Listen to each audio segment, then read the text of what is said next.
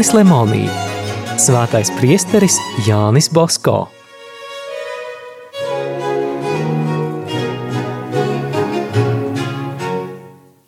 Ceturtās daļas astotā nodaļa – rakstnieks un padomdevējs. Nevelti priesteris Bosko tiek saukts par jauno laiku priekšteci. Kad viņš saprata, ka ģimenes autoritātei mazinoties, sāksies sabiedrības likumības lejupslīde, viņš sāka lietot jaunu audzināšanas metodi. Kad viņš redzēja, ka bezdievība un atkritēji postoši ietekmē katolisko ticību un dzīvesveidu, izmantojot presi, tad arī viņš sāka rakstīt un izdot grāmatas un laikrakstus. Priestere Bosko uzrakstīto darbu ir vesels simts. Tas ir ļoti daudz, ja ņem vērā situāciju, kādā viņš dzīvoja, būdams nabadzīgs, lielas patversmes vadītājs. Rakstītams viņš centās sagādāt arī saviem bērniem maizi. Gimnāzijā, seminārā un Svētā Asīzes Franciska akadēmijā lasītās grāmatas ietekmēja viņa stilu. Tomēr priesteris Basko tādēļ sevi neuzskatīja par rakstnieku. Viņš nemeklēja nekā cita, kā vienīgi dieva godu un dvēseļu pestīšanu. Rakstīt viņš varēja tikai brīvajā laikā, nakts stundās, braucot vilcienā. Tās mērķis bija izplatīt patiesību un atspēkot pārmetumus baznīcai un ticībai. Bosko saprata, ka viņa raksti tiks lasīti un saprasti tikai tad, ja tie būs vienkārši un skaidri. Tādu stilu tad nu viņš apņēmās izveidot. Tam bija vajadzīgas pūles, īpaši sākumā. Pirmos darbiņus viņam vajadzēja pašam pārrakstīt un vienkāršot, jo skolā viņš bija mācīts rakstīt augstā oratora stilā. Gribēdams pārliecināties, vai cilvēki viņu sapratīs, Bosko lasīja savus rakstus priekšā vienkāršiem cilvēkiem. Pirmais viņa redaktors bija Svētās Asīzes Franciska akadēmijas vārtu sargs. Vēlāk oratorijā šo uzdevumu veica strādnieki un viņa vecā māmuļa – Šī vienkāršība cilvēkiem ļoti patika. Dažas Bosko grāmatas tika izmantotas valodas mācības apguvē arī Toskānā, kur itāļu valoda tiek vispareizāk lietota. Toskānas skolu prokurators profesors Pero reiz apciemoja Jāni Bosko oratorijā un viņam sacīja: Lai bērni skolās iemācītos vienkārši, bet skaisti runāt itāliski, Es ieteicu skolotājiem izmantot savās klasēs lasīšanai dažas jūsu grāmatas – Dominiks Savio, Aloīs Komollo un Mikēle Magonī. Skolas apmeklējot, vienmēr bērniem atgādinu, no šīm priestera Bosko grāmatām varat iemācīties vienkāršu un skaidru mūsu valodu.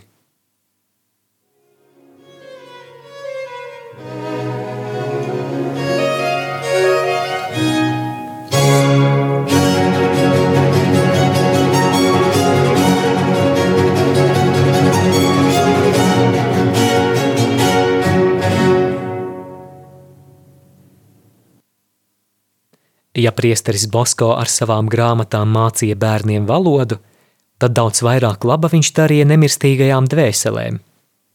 Kāds profesors, pabeidzis lasīt viņa Itālijas vēsturi, iesaucās: Tam cilvēkam, kas uzrakstīs šo grāmatu, jābūt eņģelim.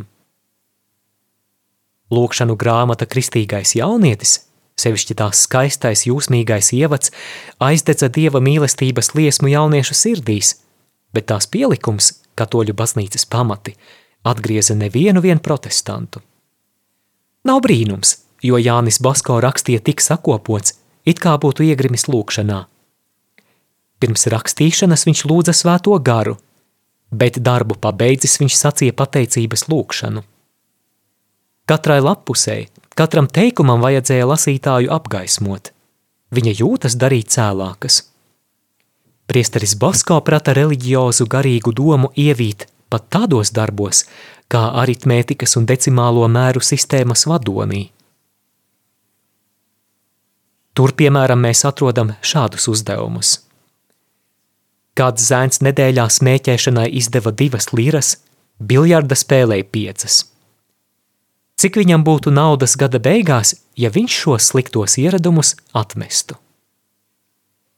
Kāds kungs, gribēdams labi izlietot savu bagātību, mūža beigās atstāja testamentu, novēlot 5500 liras un 85 centus baznīcas remontam, 580 liras un 80 centus gadā trūcīgo jauniešu izglītošanai, 434 liras un 45 centus trūcīgo uzturēšanai. Cik viņš atstāja pavisam?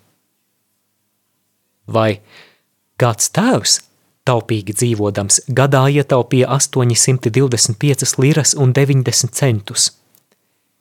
Viņa dēls, atteikdamies no dažādām nevajadzīgām izpriecām, ietaupīja 226 liras un 32 centus.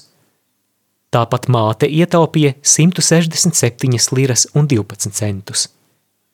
Cik šī ģimene ietaupīja kopā? Cik ļoti priesterim rūpēja labas preses izplatīšana. 1853. gadā izdevis 200 tūkstošus eksemplāru brošūru brīdinājumi katoļiem. Viņš sāka izdot ikmēneša žurnālu tautai katoļu vēstis, kas turpina iznākt vēl šodien.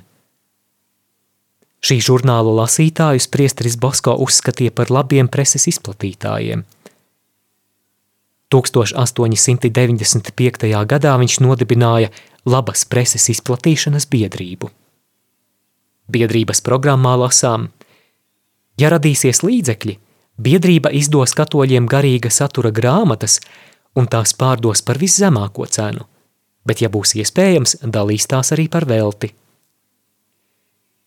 Viņš sāka tai pašā gadā dalīt labas grāmatas cietumos, slimnīcās, kazarmās. Lūk liecība par labas preses izplatīšanas biedrības locekļu darbu 1860. gada 6. martā. Mūsu darbam bija lieliski panākumi. Savācām daudz ateistisku grāmatu un tās sadedzinājām, bet tai vietā atstājām savus izdevumus. Lūk citas priestera rūpes – iznīcināt ticībai un likumīgai kaitīgās grāmatas un to vietā izplatīt derīgus rakstus ar reliģiozu un praktisku ievirzi. Reiz iedams pa pilsētu, viņš ieraudzīja kāda grāmatu pārdevēja vitrīnā daudz protestantu proklamāciju un dažādas grāmatas. Iegājis veikalā viņš lūdza atdot visu tam līdzīgu literatūru. Pārdevējs bija piekāpīgs cilvēks un bija arī ar mieru tās atdot, ja šīs grāmatas varētu aizstāt ar citām. Priesteris Bosko no visiem šiem papīriem un brošūrām pagalma vidū sakrāva lielu kaudzi un pielika tai sērkociņu, bet pārdevējiem atsūtīja pilnus ratiņus ar saviem izdevumiem Kristīgais jaunietis, katolis un viņa ticība un vairākus tūkstošus eksemplāru katoļu vēstu. Thank you.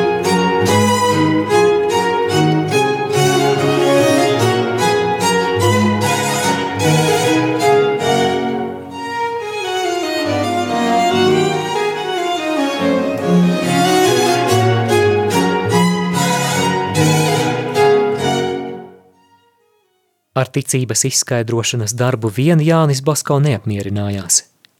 Viņš nodibināja arī spiestuves, kurām no vienas puses vajadzēja sagādāt iespēju nopelnīt daudziem jaunajiem amatniekiem, bet no otras puses izplatīt labu presi.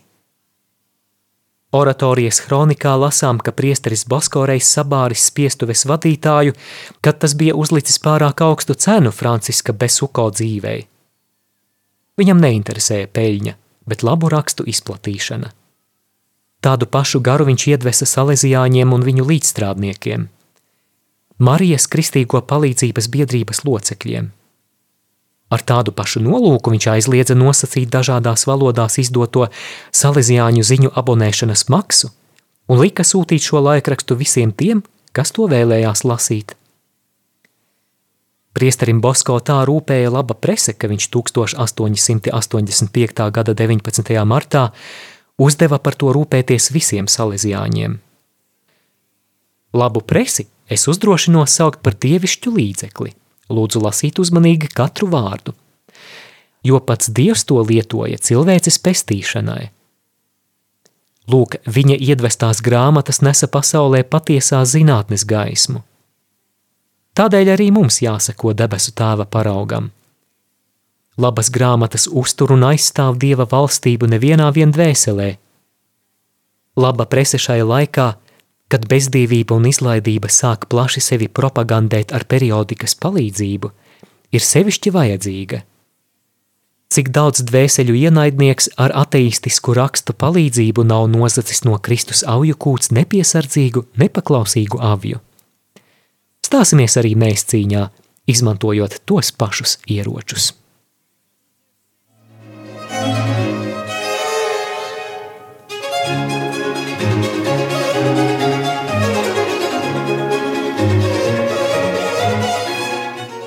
Atlikušo priestera Bosko laiku aizņēma audiences. Pie viņa no visurienes nāca pēc padoma. Tēvs Jāzeps Orelija teicis, ka ja priesteris Bosko arī nebūtu piekopis nekādu citu gandari, beatifikācijai pietiktu ar šīm audiencēm vien. Tiešām, viņam cauru dienu vajadzēja uzklausīt un runāt no rīta līdz vakaram, un tā visu dzīvi, gan mājās, gan uz ielas. Turīnā un aiz Itālijas robežām – Drošos un kautrīgos visus priesteris laipni pieņēma. Visi viņam bija kungi, pret visiem viņš izturējās kā parādnieks. Visu palīdzība bija viņam vajadzīga. Viņa vārdos jautās sirsnīga līdzjūtība un vienkāršība, kas iekaroja viesu sirdis. Neviens viens sacīja, ka runājis nevis ar cilvēku, bet ar eņģeli. Bosko istabiņā valdīja debesu miers – Mēs bijām kā ziedi, kas tikko ieguvuši debesšķīgā mierinājuma lāsīti, aizveramies un savā sirdī uzmanīgi glabājam saņemto dārgumu.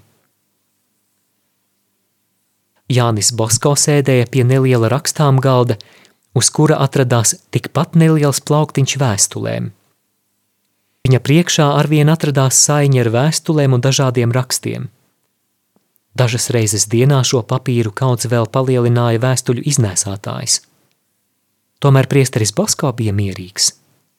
Jaunās vēstules viņš nolika sānis un klausījās viesī. Viņš bija pārliecināts, ka arī mazas darīšanas jādara lēni un uzmanīgi. Izklaidībai viņš nepadevās.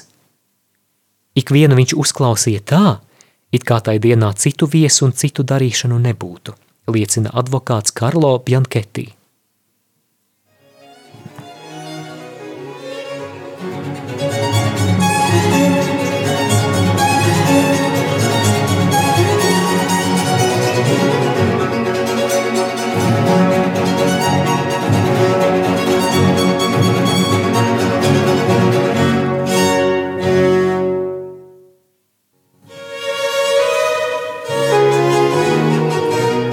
Izskanēja lasījums no Jāņa Lemonija grāmatas Svētais priesteris Jānis Bosko.